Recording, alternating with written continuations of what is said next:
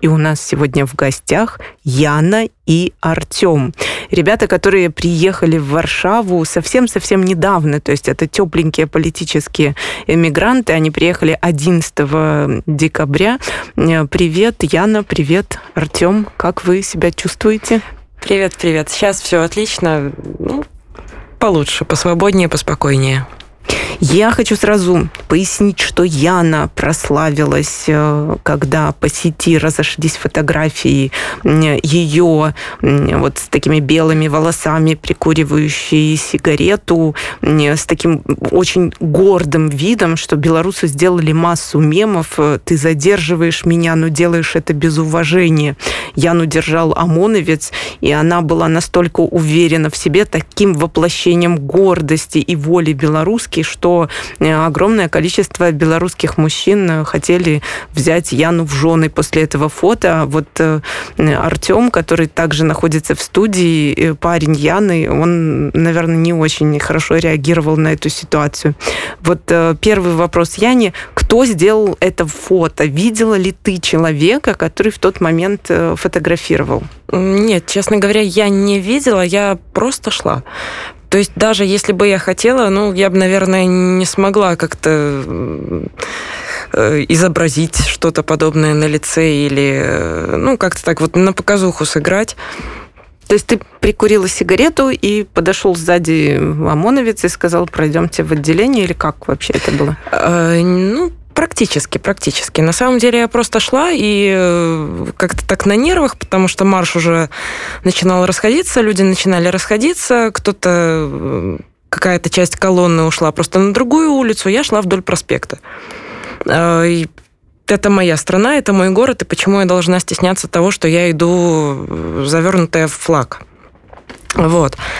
И на тот момент уже потихоньку начинали ездить бусики, вот.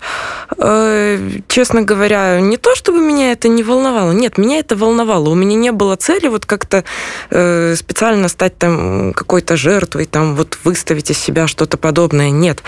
Э, я на самом деле просто возвращалась домой, уже прикинула себе маршрут в голове. То есть вот сейчас я дойду до автобусной остановки, а там вот проехаться минут 30-40, и я уже, в принципе, дома. То есть буквально зайти за угол. Но нет. Вот, и я как-то шла, шла, выкурила одну сигарету, мусорок нет, ничего нигде нет. Думаю, ну ладно. И вот, вот они вот чаще начинают ездить, бусики. Вот, какие-то ребята из дворов выбегают, мол, там стоят, ждут уже готовеньких. Вот, я э, нервничаю, естественно, ну, как бы особо вида пыталась не подавать. Вот, закуриваю вторую, окурок этот от, от первой несу в руке, ну, выкинуть-то некуда. Вот. И буквально только-только-только подкурила. Краем глаза, ну, естественно, шла, оборачивалась. Ну, так, местами косяка кидала назад. Вот. Э, все, останавливается бусик, оттуда вылетает молодежь, это в черном, и меня под руки, потом какие-то фотки еще гуляли по сети, что там на самом деле их было трое. Вот, но меня двое хватануло, а третий был сзади. Вот, пройдемте, пройдемте. Но я иду и понимаю уже, что все. Вот, вот только подкурила, и, ну, давай накуривайся, девонька, потому что уже вот без вариантов просто. А ты ему предлагала? Ну, потому Нет. что на фотографиях выглядит так, как будто ты ему предлагала. Нет, я, я, я не знаю, у меня какой-то бабушкин режим включился. И я ему говорю, не надо, говорю, меня тянуть. Не надо меня тянуть. Естественно, это все как-то максимально в этих вот, э, скажем так, максимально жестикулируя, насколько я могла. Пыталась просто объяснить, что не надо меня тянуть. Я пойду сама. Он меня тянет. Вот. Я еще раз повторяю, и плюс еще добавляю то, что, ну, как бы не надо, ну, вдруг я упаду, разобью коленку. Там же эти бордюрчики. Они меня поволокли вот как раз к дороге через э, газончики эти, там, деревца местами эти. Все красиво, все шикарно. Вот. И они меня тянут, и я пытаюсь вот просто с ними как бабушка, наверное, разговаривать. Ну вот, на что они мне говорят, ничего, ничего, если что, мы вас поднимем. Вот садят меня в этот бусик, там уже сидит один парнишка, они развернулись через две сплошные потом, ну и поехали еще троих собрали ребят. Потом нас повезли пересаживать в автозак. Вот. В автозаке было весело очень, потому что нас как-то пытались... Нас вообще впихнули трех девчонок в одноместный стакан. Вот. И как мы ехали, я не знаю, потому что ноги затекли, ну, понятное дело, неудобно очень было. Но благо ехали мы недолго, и примерно по месторасположению я примерно поняла, куда нас везут. То есть это была советская РОВД. Э, вот. Там у меня отобрали флаг. То есть в автозаке я все еще была во флаге. Вот. Э, единственное, наверное, что мне повезло, я выключила телефон. До того, как меня схватили, до того, как э, я просто выключила телефон, и где телефон, сел телефон. Разрядился. Вот. И все, мы приезжаем туда уже в РОВД, нас ведут в этот подвальчик, у меня там какой-то бравый пытается забрать флаг. Я ему говорю, это шарф. Это элемент одежды. А с телефоном одно уточнение. Э, выключила телефон, если бы не, э, если бы не выключен он был, они бы залезли и увидели там, не знаю, какие-нибудь подписки на телеграм-канал Нехта, и было бы все серьезнее. Почему было бы все серьезнее. Было? было бы все серьезнее на самом деле, потому что, ну, как бы телефон плюс э, фото, видео с маршей, это уже как бы тогда могло бы быть хорошей такой, очень весомой причиной повесить на меня что-нибудь еще и, возможно, даже из разряда уголовки. Ну, такая страна. А так, э, ты сколько провела в этом дивном заведении? В РУВД мы были где-то часов с 7 до 11. С 7 часов вечера до 11.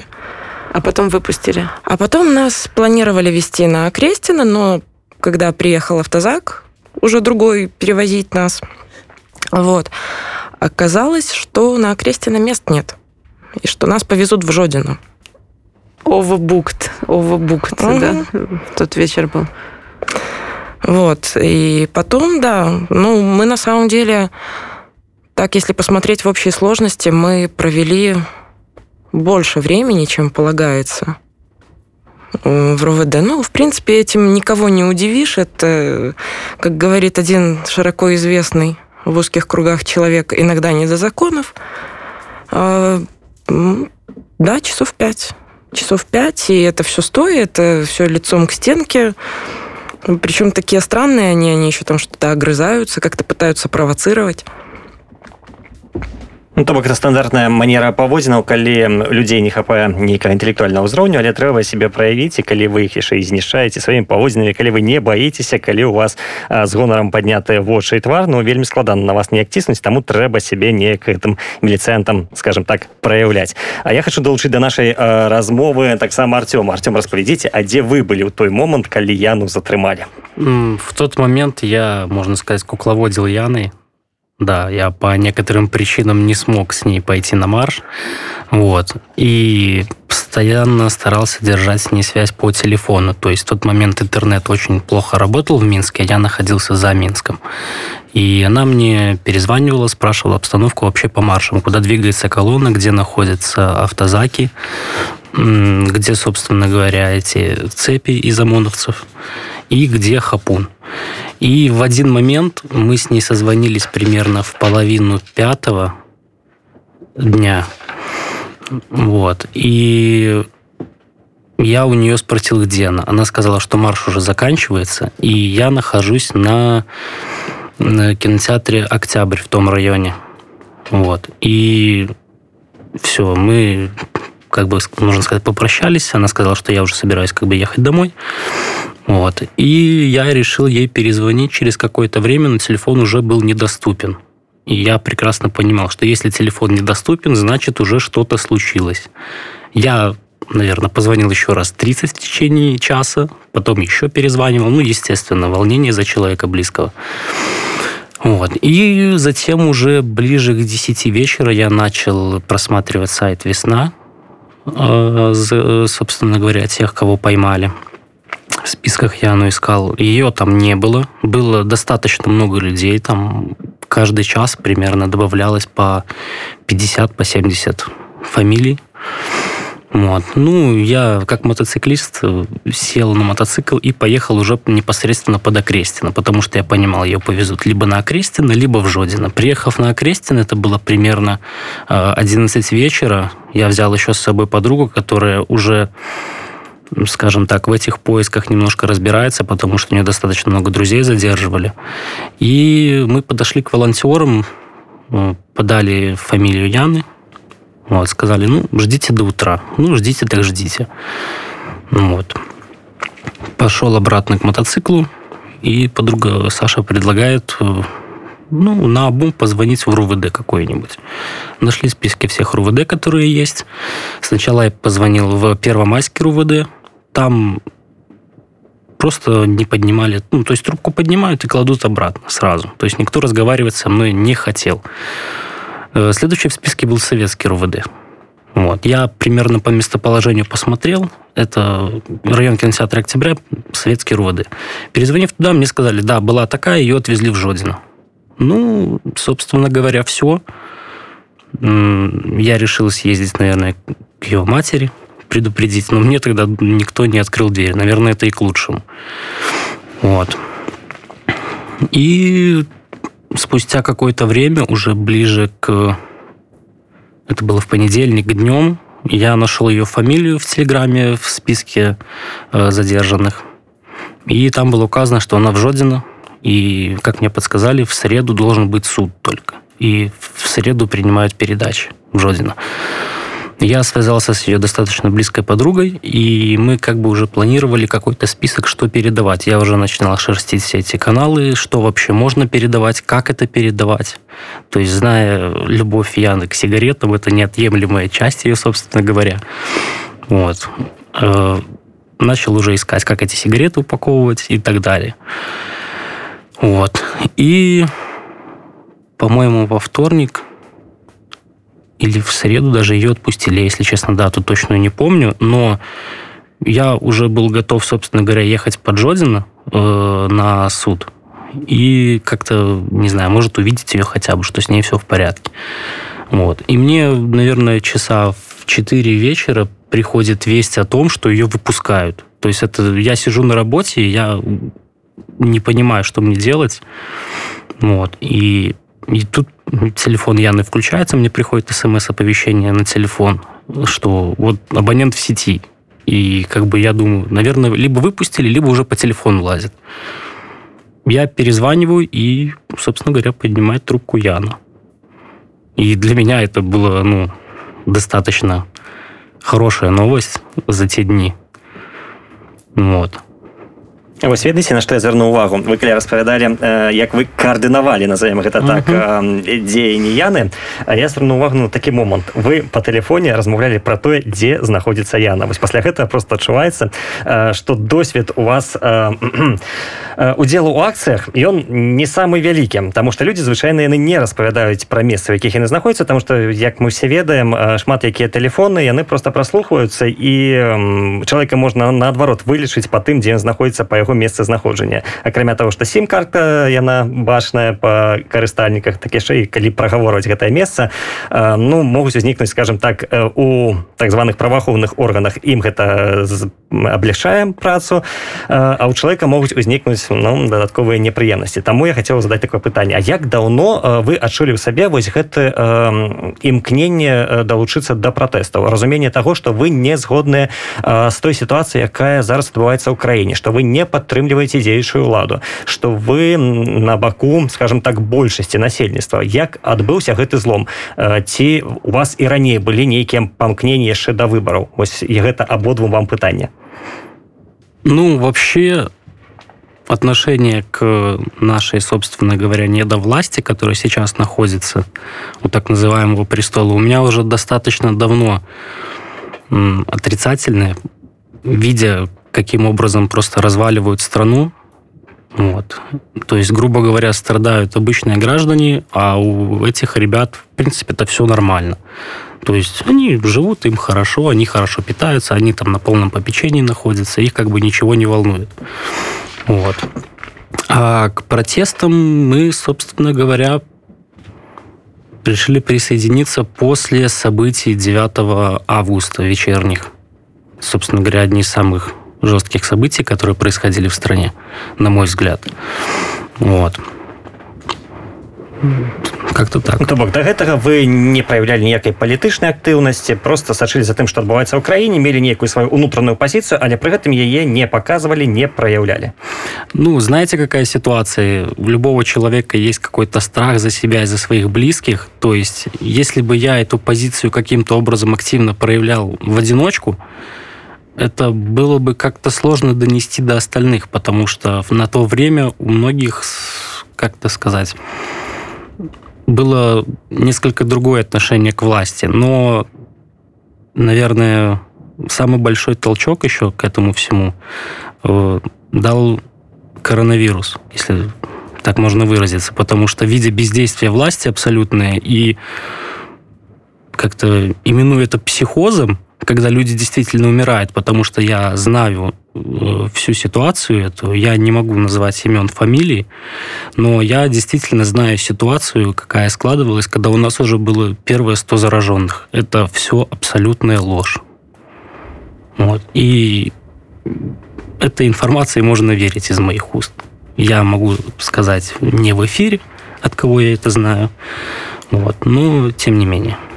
Я хотела тоже э, отметить такой момент, что вот есть э, профессиональный оппозиционер Рома, есть Артем, свеженький, тепленький. И Рома объясняет Артему, что не нужно по телефону говорить местоположение. А белорусы, а вот как Яна говорила в самом начале, ну это мой проспект, я имею право гулять там завернутый во флаг и э, там фотографироваться с ОМОНовцами, как в фильме «Крестный отец». Это же моя страна. То есть вот это вот не разные уровни понимания да, того, что... Сказал Или... розны падыход. Хутчэй за ўсё гэта не розныя ўзроўні э, разумення. Разумеем мы аднолькава, але пры гэтым падыходы у нас все ж таки адрозніваецца, таму што моманты э, дзеянняў у нас все ж таки колькі там розніца ў 10-15 гадоў і таму я хутчэй за ўсё не валодаю той інфармацыі, э, якую павін...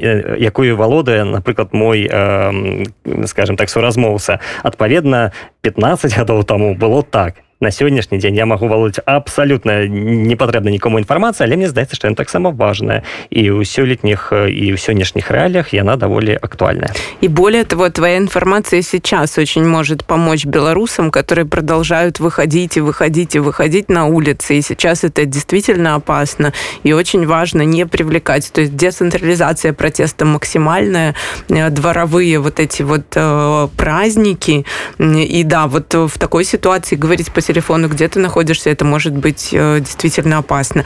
Вот Яна и Артем, такой вопрос. В какой момент пришло понимание, что все, пора, пора ехать, пора уезжать из Минска. Это как-то связано вот с этим закрытием границ, которое как раз 11 декабря, насколько я помню, и анонсировали? Или это связано с чем-то с чем-то другим? Яна. На самом деле это не связано с закрытием границ. Это решение было принято несколько раньше просто мы, ну, в каком-то смысле выжидали. Эм, и как-то для себя была что ли выбрана какая-то определенная точка накала. Ну, вот я, я не знаю даже, как это описать. Идея пришла, но до реализации мы еще, конечно, походили на марши, посмотрели, что да как, э, провентилировали почву касательно отъездов, потому что уезжать в никуда тоже не хотелось, без возможности работать тоже не хотелось уезжать. Вот, и э, уже после этого это было осознанное решение.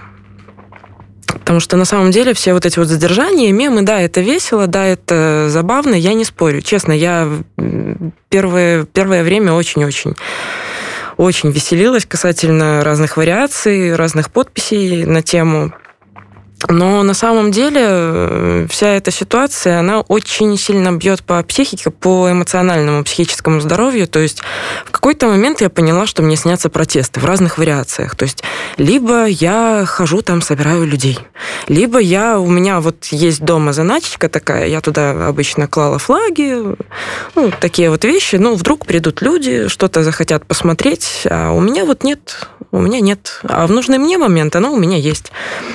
Вот, то есть снится, что я ищу флаги для того, чтобы выходить на марш. Потом мне начала сниться какая-то дичь про то, что я везу из соседнего района оружие, чтобы пойти на марш. Потом, ну, вот вишенка и, наверное, я не знаю, в последнее время мне вот Караев недавно приснился.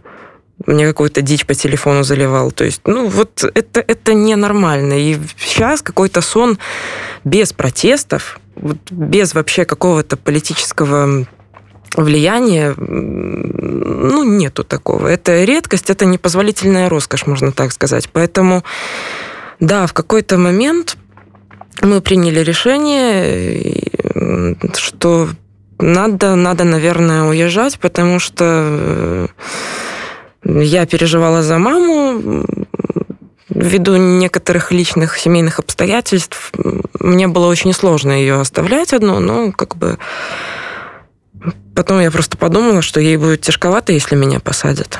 Если я продолжу что-то говорить, если я продолжу ходить на марши, потому что для нее это тогда тоже было потрясение, назовем это так. Вот. И просто в какой-то момент я поняла, что нужно как-то обезопасить себя, обезопасить ее, и мне, наверное, лучше будет уехать. Вот, Артем меня поддержал полностью в этом плане, и, собственно говоря, мы решили, мы сделали рабочие визы, мы нашли работу и и уехали. А потом еще вдогонку вот эта вот веселая новость про закрытие границ. Это было неожиданно на самом деле. Ну как, ожидаемо, ожидаемо, но каждое невозможно. Этого можно ждать сколько угодно, но как только это становится реальностью, это все равно будет шок.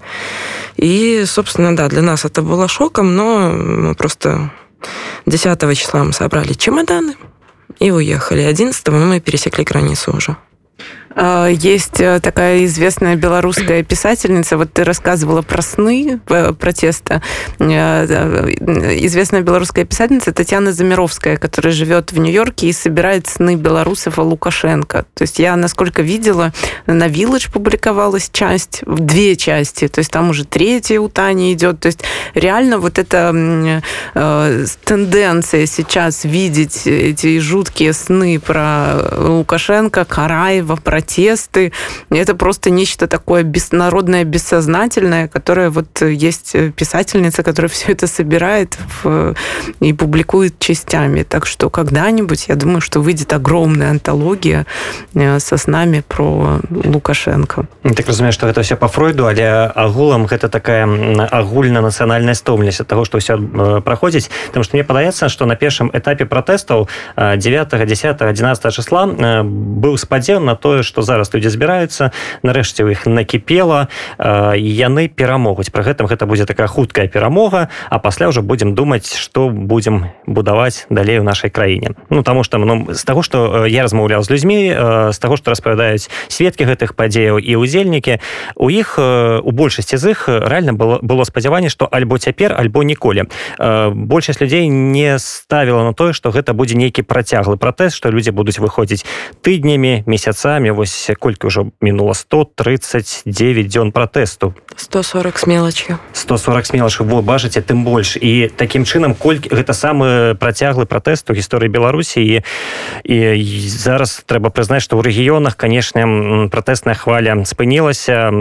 Там зусім складана. Ўсё ж таки у берасці горад нейша выходзіць А вось у малых гарадах у у пратэст вераць в асноўным толькі за рахунак скажем так меншукоў і таму трэба прызнаць што пакуль беларусы вельмі стаміліся і таму натуральна што і сны такія прыходзяць і-ввогуле агульна маральна псіхалагічны стан не самы лепшы але хаця таксама трэба ўлічваць што і па тым баку не так все просто меліцэнты якія прыязджаюць выязджаюць за мяжы таксама распавядаюць што маральны дух у тых хто выходзіць збіваць людзей затрымліваць ён таксама не на самым высокім узроўні Таму ж нам падаецца ну там мільцэн там атрымліваць нейкі заробак за гэта. Але таксама як бы там не было нягледзячы на не заўжды высокі ўзровень нейкай адукацыі маральных каштоўнасцяў людзі якія затрымліваюць бабуль яны таксама адчуваюць што нешта не так. Не до конца яны магчыма гэтага яны усведамляюць але не разумеюць. І вось у іх на тым баку нам заўжды падаецца што у нас праблемы нам складана вось мы перажываем. Але не толькі мы. Как бы гэта такая складаная барацьба якая ідзе з абодвух бакоў і зараз скажем так пратэст он перайшоў у іншую хвалю. І он перайшоў ужо не ў адкрытую барацьбу барацьбу нейкіх прынцыпаў змагання калі не інтэлектаў то псіхалагічных станаў.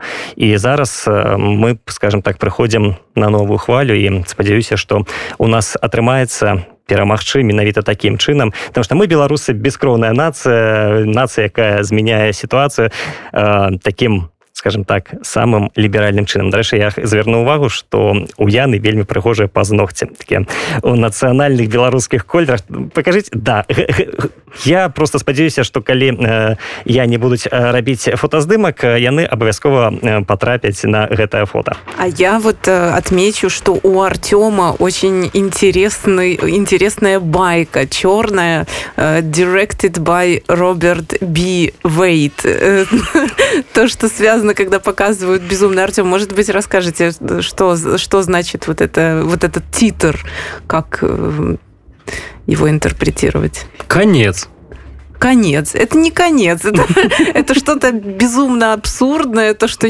значит, э, когда смысл абсолютно противоположный.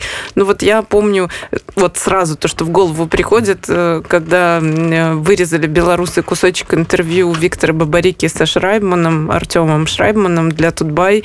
И на вопрос, а вы не боитесь, что вас посадят? Э, Виктор Бабарика ответил Артему, а, за, а зачем меня садить? И дальше все это заканчивается directed by Роберт B. Вейт. Там что ніхто не верыў памятаеш як Віктор бабарык распавядаў да як як можна фальсіфікаваць выбары калі за нас прагаласуе мільён чалавек просто чалавек які пражыў 20 гадоў беларусе быў топ-менеджерам ён реально уверыў у тое что калі набяры мільён чалавек ніхто не будзе не то что фальсіфікаваць совершенно і за краты не потрапіць но это наивный романтик который собственно и поднял всю эту всю эту волну и вместе с тем это наивный романтык які 20 гадоў кіруя банкам Топ-менеджер? Вот, я не верю в таких романтиков. Роман, такое бывает. А я еще хотела бы подсуммировать вот итог, э, то, что ОМОНовцам тоже плохо, им тоже снятся сны. Так вот пусть им каждый день снится Яна с этой сигаретой.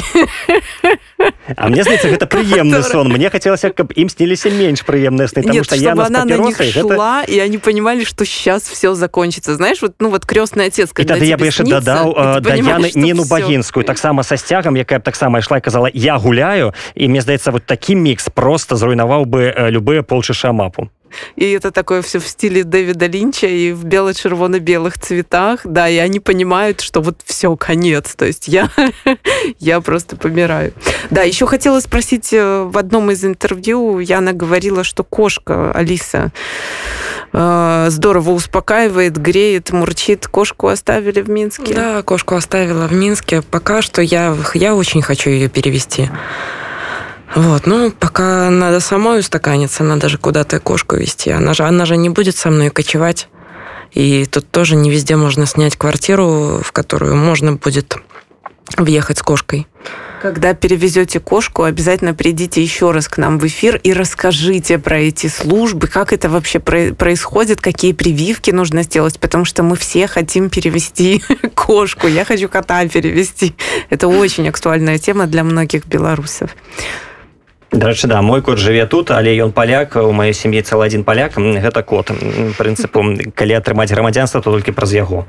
Таксама таксама метад магу параіць. Дарэчы з гэтай нагоды хаця бы запытаць якія якія у вас планы на жыццё в варшаве? Наколькі вы доўга плануеце тут заставацца? Ці ёсць у вас уже нейкая канкрэтная праца? Что далей? Пока все как-то в каком-то смысле вилами по воде. То есть да работа пока что есть наброски на работу, есть наброски на какую-то, ну, возможно, дальнейшую работу, возможно, дальнейший род деятельности. Э, но пока мы, мы вот буквально с корабля на бал. 22 числа мы, у нас 21 22 закончился карантин, и мы буквально 22 с 22 числа в Варшаве. То есть пока кто я, что я, где я, что Просто вы казали, что у вас рабочая виза. Из того, да. что я ведаю, рабочая виза выдаются под нейкую конкретную працу. Mm-hmm. Тому мне подавалось, что вы маете некие конкретные пропановы и едете да. уже не просто так, ага. Ну, может, и не так это все Нет, выглядает. там была, на самом деле, была, была работа, но оказалось, что в Минске организация ну, не очень не очень добросовестно озвучила график работы, режим работы. Вот такие вот рабочие моменты, которые оказались довольно-таки важными. И по большому счету нам просто соврали. Э, так бывает. Вот, мне здаецца вельмі часто так і аргументаюць са словамі да мне здаецца а, а чаму вы не чыталі дробным шрифтам менавіта так же ж там было напісана там нічога не было напісана ну і самі вінаваты Артём хацеў таксама у вас запытаць того что я ведаю вы таксама былі на такім легендарным месцы у сённяшнім менску гэта так званая плоша перамен распавядзіць ласка падрабязней мы с Яной, собственно говоря, поехали на эту воскресную акцию. в, скажем так, почтить память романа бондаренко давайте удакладнім нядзельная акция гэта акция калі э, праваахоўнікі так званыя знішчалі мемарыал ці знішчалі так, так. Угу. Э, мы приехали на эту акцию но в тот момент уже люди собирались конкретно на площади перемен то есть одна колонна двигалась но ее насколько я знаю отрезали она двигалась по проспекту Независимости. Э, нет? Нет, по Орловской. От Пушкинской станции метро по Орловской, по второму кольцу колонна планировалось э, движение колонны от проспекта Пушкина пересечение с Притыцкого до, собственно говоря, площади перемен, чтобы почтить память Романа Бондаренко, но там такой опасный участок есть, как раз возле резиденции президента, там мост, и там на самом деле не очень удобно. То есть, с одной стороны, Верховный суд, с другой стороны, вот это вот место это с золотыми ну, неважно. Вот. И э, до туда просто они не дошли. Там людей начинали задерживать, мы еще думали, где запарковать машину, где стать, как, как добираться. В итоге мы решили пойти сразу непосредственно на площадь перемен. Вот, там почему-то, я не знаю, что произошло, наверное, какие-то магнитные бури, но на Червякова у всех внезапно сломались машины. Вот, там был дичайший затор, водители просто стояли возле машин, наверное, обсуждали, как, как им починить, что с ними сделать, вот. Э, но мы, мы это все проходили пешком, и уже непосредственно на площади перемен были люди. Э, мы пришли незадолго до того, как начинали взрываться светошумовые гранаты. То есть мы в тот момент были на улице, и когда вот эти вот ребята бравые приехали, когда начали бросать шумки, и когда они начали выстраиваться быстренько под шумок, вот мы уже были там. И в какой-то момент просто народ начал разбегаться, но им кричали, куда вы бежите, зачем вы убегаете, кого вы боитесь. Они же просто стоят. Да, они покидали светошумовые гранаты, но это можно назвать отбивали позицию, чтобы стать поближе. То есть э, Потом по видео я увидел, что они забежали в магазин, начали задерживать людей, оттуда вытаскивать, причем достаточно жестко. То есть в магазине там ногами коробки пинали. Для них это, наверное, нормальное, в принципе, поведение, скажем так. Их много, им все можно, их никто не узнает. Но мне кажется, со временем просто правда всплывет, кто это был. И за все свои преступления они, естественно, понесут наказание. Ну, наказание последует. Это в любом случае будет, потому что в адекватном обществе не должно находиться столько неадекватных людей, которые, в принципе, считают, что за деньги можно делать все, что угодно. То есть, ну да, ребятам выдали квартиры хорошие в Руче, они получают хорошую зарплату. Но, в принципе, у них больше ничего и нет. И я более чем уверен, что после того, как начали публиковать их личные данные, люди начали от них отворачиваться. Это вполне естественно, потому что они не знали, с кем они общаются. А когда правда начала всплывать, естественно, никто не захочет иметь в своем э, окружении таких, я бы даже назвал бездарных людей просто, которые за деньги, ну, грубо говоря, личные киллеры у власти дарэчы да у інтэрнэце з'яўляецца шмат гісторый про тое як жонкі сыходзяць ад вось так званых амапаўцаў тому что ну да працуе мой мужчына 10 у міліцыі чымсь там займаецца может кагось аховае пасля оказывается что публікуюць гэтае фото гэтае відэа і яе муж збівае просто людзей якія ідуць по вуліцы са сцягам збіваюць бабуль дзядуль пенсіянераў інвалідаў. І тады натуральна таксама можна зразумець гэтых сваякоў гэтых жонак маладых людзей якія вот таким чынам думаючы што іх ніхто не пазнае под маскамі здзяйсняюць такія злачынства але як мы ведаем зараз знаходзіць абсалютна ўсіх базы дадзеных з'яўляюцца. Таксама есть такая вядомая ініцыятыва як байпол якая стварае вялікі вялікую базу дадзеных праваахоўнікаў сэнсе сапраўдных праваахоўнікаў якія далучаюцца да гэтай ініцыятывы і тых якія працуюць на рэжымы якія просто парушаюць все магчымыя немагчымыя правы чалавека ў беларусі. І натуральна як вы казалі пакаранне настане і гэтыя людзі просто панясуць вялікую адказнасць Вот. Да, Артем, можа подзялішся да, э, не толькі з намі а і са слухачамі сваімі ўражаннямі ад тых падзеяў які адбыліся ну вось уже больш за полтора месяца таму ну что тут сказать видя все это своими глазами и сидя на энном этаже наблюдая это вот в тот момент когда начался разгон люди побежали их начали бить Вечером мы уехали в 8 вечера, мы просидели как мыши просто. Вот. И в какой-то момент я увидел всю сущность тех людей, которые, собственно говоря, избивают. Рядом находились мусорные контейнеры, как потом я узнал, на них было написано ОМОН. И ребята, которые стояли со щитами и не пропускали людей, то есть, я так понимаю, какой-то контроль был, кто куда идет и так далее, они начали туда ходить, ну, в туалет. В мусорные контейнеры. За ними. Там, получается, огороженная площадка была мусорная, вот, для мусоровозов, собственно говоря, подъезд. И потом, когда мы уже возвращались, э, нас э, подвезли к машине нашей, я увидел, что там написано ОМОН. И я так подумал, ну вот, собственно говоря, да. А они там очень долго находились на этой площади, что им нужно было по нужде еще решать какие-то проблемы? Или что это было? Или это был демонстративный акт? Вот э, что мы сделать еще можем на площади перемен? Как это объясняется? Они находились там действительно очень долго, и на следующий день, насколько я знаю, они находились. То есть Просто у меня была информация о том, что они проводили паспортный контроль, грубо говоря, кто куда идет. Вот. И если кто-то выходил из подъезда, и он не мог подтвердить факт своего проживания в этом доме, они его задерживали. Поэтому люди достаточно долго сидели в квартирах и ждали, пока они уедут.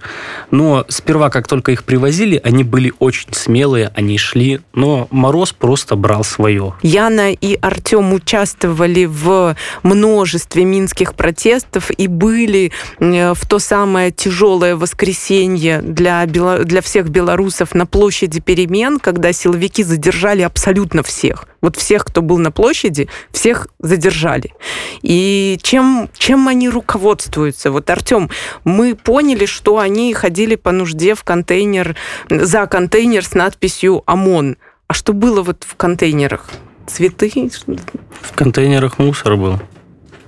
А почему надпись ОМОН? Откуда она там взялась? Ну, потому что это ОМОН, мусорка. Это мусор ОМОНа. Да. Господи, как же это символично. Потому что мусор гэта міністэрства ўнутраных спраў скарочана мус і ар гэта ж ангельскі гэты канчатак мусар гэта такое беларускае слово да? хаця словаўтварэнне можа не мой канёк але я гляжу што некаторым падаецца што в прынцыпе там все лагічна я на вы меня падтрымліваеце абсолютно Да, э, Артем, рас, расскажите, пожалуйста, как вот это вот, э, чем они руководствуются, вот эти все ребята, которые там, сколько им лет, как они ведут себя, что они вообще хотят, на что они рассчитывают, как вам кажется? Ну, судя по тем, кто вообще собственно говоря, задерживал этих людей, у меня появилась просто какой-то появилась выборка этих ребят. И я начал просто их как-то уже определять даже по телосложению, кто там находится. Если это какой-то дядечка с пузиком, естественно, это не будет какой-нибудь там сержантик и так далее. Это кто-то уже повыше, естественно, ему бежать уже некуда. Если он что-то скажет, его, собственно говоря, затопчут свои же. Вот. На площади перемен, когда мы были, э, выглядывал из окна и наблюдал такую картину, собственно говоря, когда они ходили в туалет за мусорку, э, то ребята были достаточно невысокого роста. Я бы даже сказал, что возможно, лет по 18, по 20. То есть было предположение у всех о том, что это э, курсанты просто. Потому что один раз, когда мы были на Стелле уже, до этих всех событий, конечно, на марше на Стелле, то в оцеплении за колючей проволокой стояли действительно дети. У них по глазам было видно, что они вообще не понимают, что происходит. Такая огромная толпа людей пришла. Вот. И они худые, низкие. Вот я бы не сказал даже, что как на подбор. И через каждых троих стояло два человека в черном, я так понимаю. Это либо какие-то командующие, либо те, кто сможет их подстегнуть на какие-то действия, потому что это дети, они, собственно говоря, ничего сами не сделают. Вот. И как и у любых других, у них есть страх какой-то даже за ту же свою жизнь, потому что если толпа побежит на них, то никакая колючая проволока это уже, в принципе, не остановит.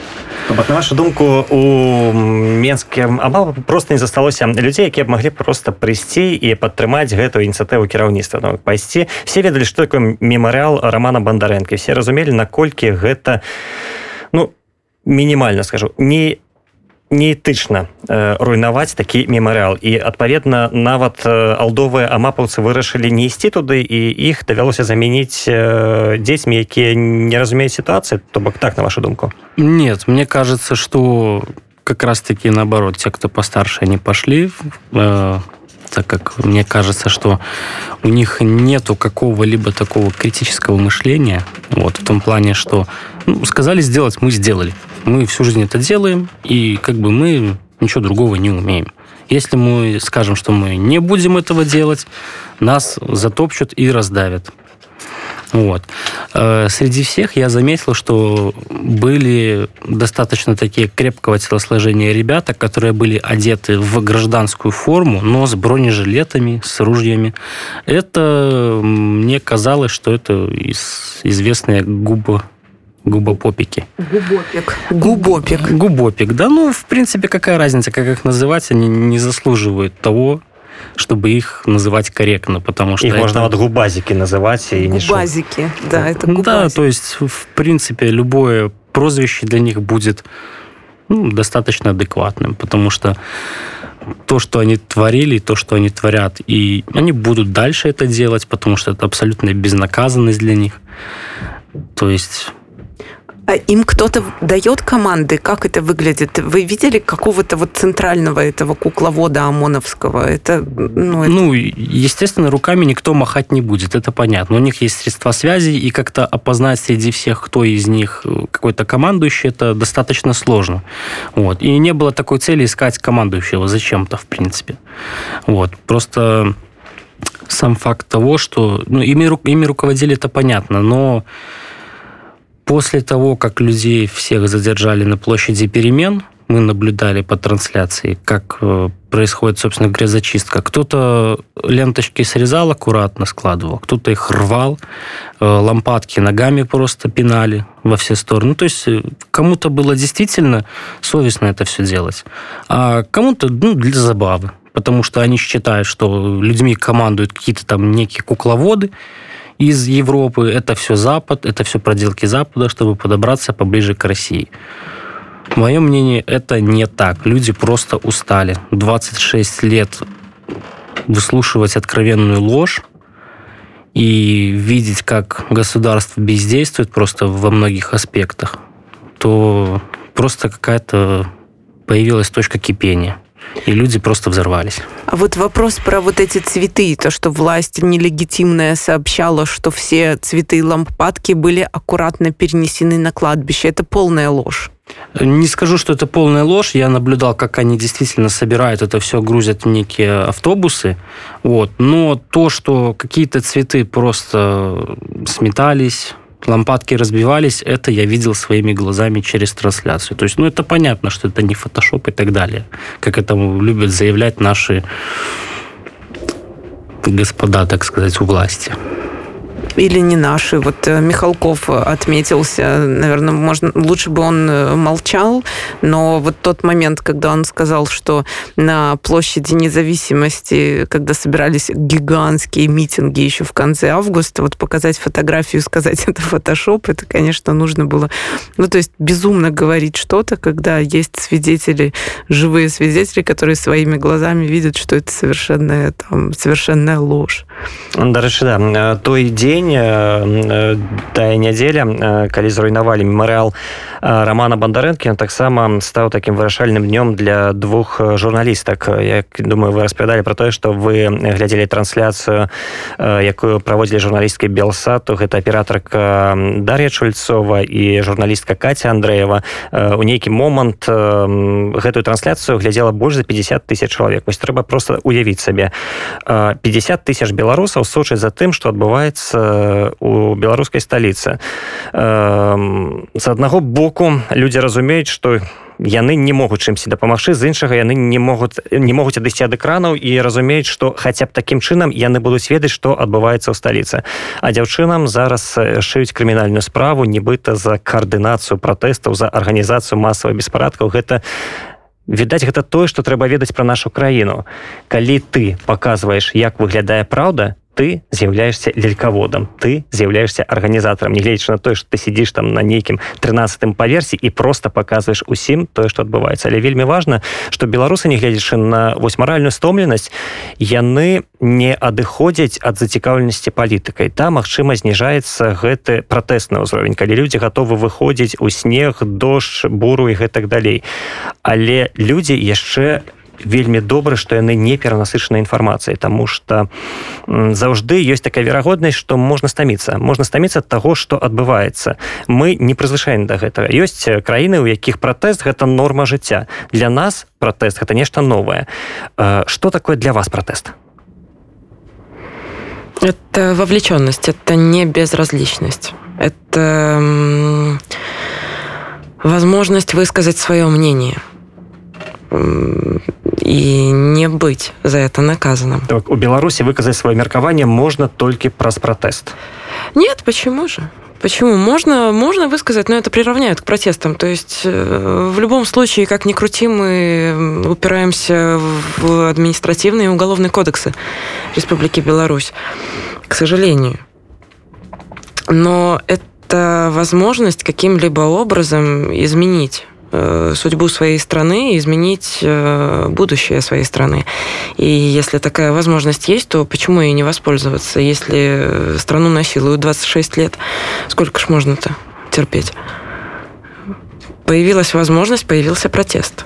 Э, я не знаю, почему, и раньше ведь тоже были предпосылки к тому, что Лукашенко это не лучший вариант, далеко не самый лучший вариант, но почему-то, я не знаю почему, честно, очень сложно говорить на эту тему. Почему-то в этом году я не могу сказать, что э, люди, и мы в том числе, поверили, но вот получается так, получается, поверили. Получается, поверили в свои силы, и вот во что оно все выливается. И до сих пор. Ёсць пасташа меркаванне што на сёлетнюю сітуацыю з пратэстамі вельмі паўплывала пандемія каронавіруса то бок людзі убачылі наколькі улады і лгуць э, на такім узроўні што ў гэта ўжо немагчыма верыць. Таму што да пандэміі все ведалі што ну так у нас там ёсць праблемы з эканомікай ёсць праблемы са свабодай слова. А цяпер э, ва умовах калі улады сталі ўкрываць э, сапраўдныя лічбы э, колькасці захворванняў сталі э, пагражаць лекарам э, пагражаць пагражаць э, кіраўніцтву лякарняў каб ты не публікавалі сапраўдныя лічбы яны забаранялі лекарам насіць маскі у лякарнях тому что гэта пужала нібыта пацыенту і мне здаецца вось э, гэта ўсё і прывяло до того что беларусы нацярпеліся еще очень важно отметить что не только вот э, протест и вера вот в то что вот сейчас у нас что-то получится она же растет не только из-за ненависти к неправомерным действиям власти а из того ощущения, что народ сам понял, что он сам лучше справляется с какими-то моментами. Например, э, в отличие от э, всех абсолютно стран ЕС, в Беларуси не было поддержки бизнесу, который вот э, в условиях коронавируса просто, просто горел, ломался, закрывался. То есть люди сами как-то вы, выруливали, выплывали из этой ситуации.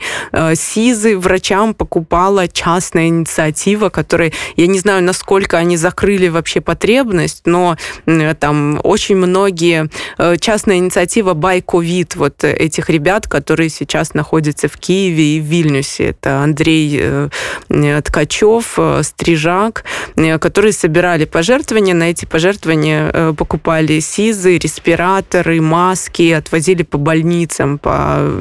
Они сами базировались в Минске. Кстати, склад у них был в галерее У, которая закрылась. Там не было посетителей, не было выставок, потому что был ковид. И вот всю галерею современного искусства отдали под склад вот этих вот респираторов, э, защитных костюмов, антисептиков и масок. И ребята, волонтеры, Э, ежесуточно дежурили на этом складе, развозили вот эти все медикаменты и защитные средства по больницам не только Минска, но еще и окрестностей. Те больницы, у которых не было защитных средств, они писали заявку, им, им привозили эти защитные эти костюмы. И мне кажется очень важным именно вот эта возможность. Общество поняло, что оно может решать какие-то проблемы самостоятельно. Раньше такое в Беларуси было в маленьких вот этих вот тусовочках гетто, гетто, да, как говорят, гетто для хипстеров. Люди, которые сами придумали себе там занятия, сами еще и заработали что-то на это, и сами в этом прекрасно живут и чувствуют, а другая параллельная Беларусь существует где-то в другой вселенной, где вещает БТ, и тебе это неинтересно.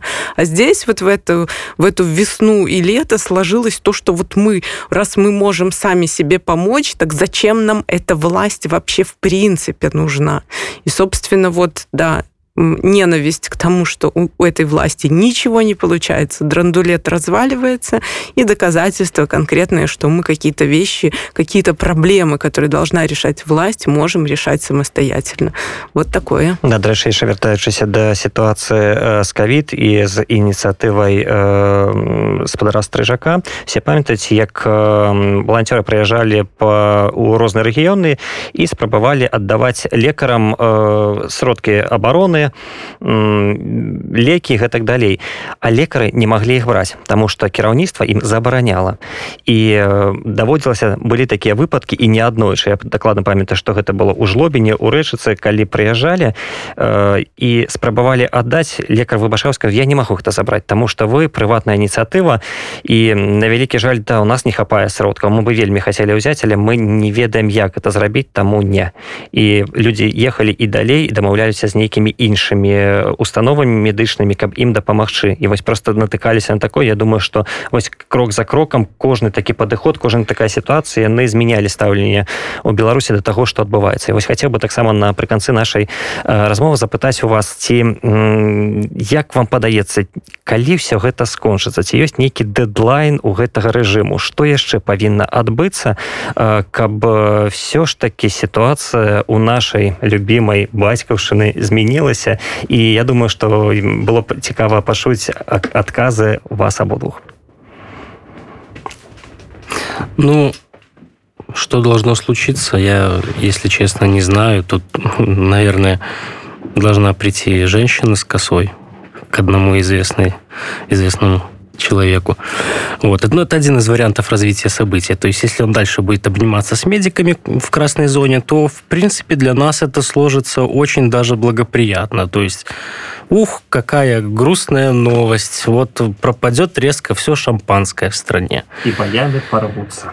Да, и просто вот ну, люди так скорбить будут, что просто салюты, наверное, вот на, на всю Беларусь. У нас нельзя, у нас нельзя салюты, у нас пиротехника пока еще запрещена. Так можно уже ж будет, уже ж ситуация изменится. Тут же мы размовляем про измены ситуации. Ну, вот, можно будет, конечно. А кто запретит? Вот. Ну, я не знаю. Один из вариантов, конечно, это, наверное, не очень хороший. Это, скажем так, радикализация протестов. Тут можно об этом очень много рассказывать, что-то говорить. Потом, ну, опять же, у каждого человека своя точка зрения. Кто-то считает, что это действительно какой-то инструмент для смены власти. Я не буду говорить свое мнение по этому поводу, потому что, ну, мне просто не хочется говорить об этом, если честно, потому что для меня это самый печальный вариант развития событий. Возможно, есть какие-то другие варианты, то есть мирные протесты и так далее.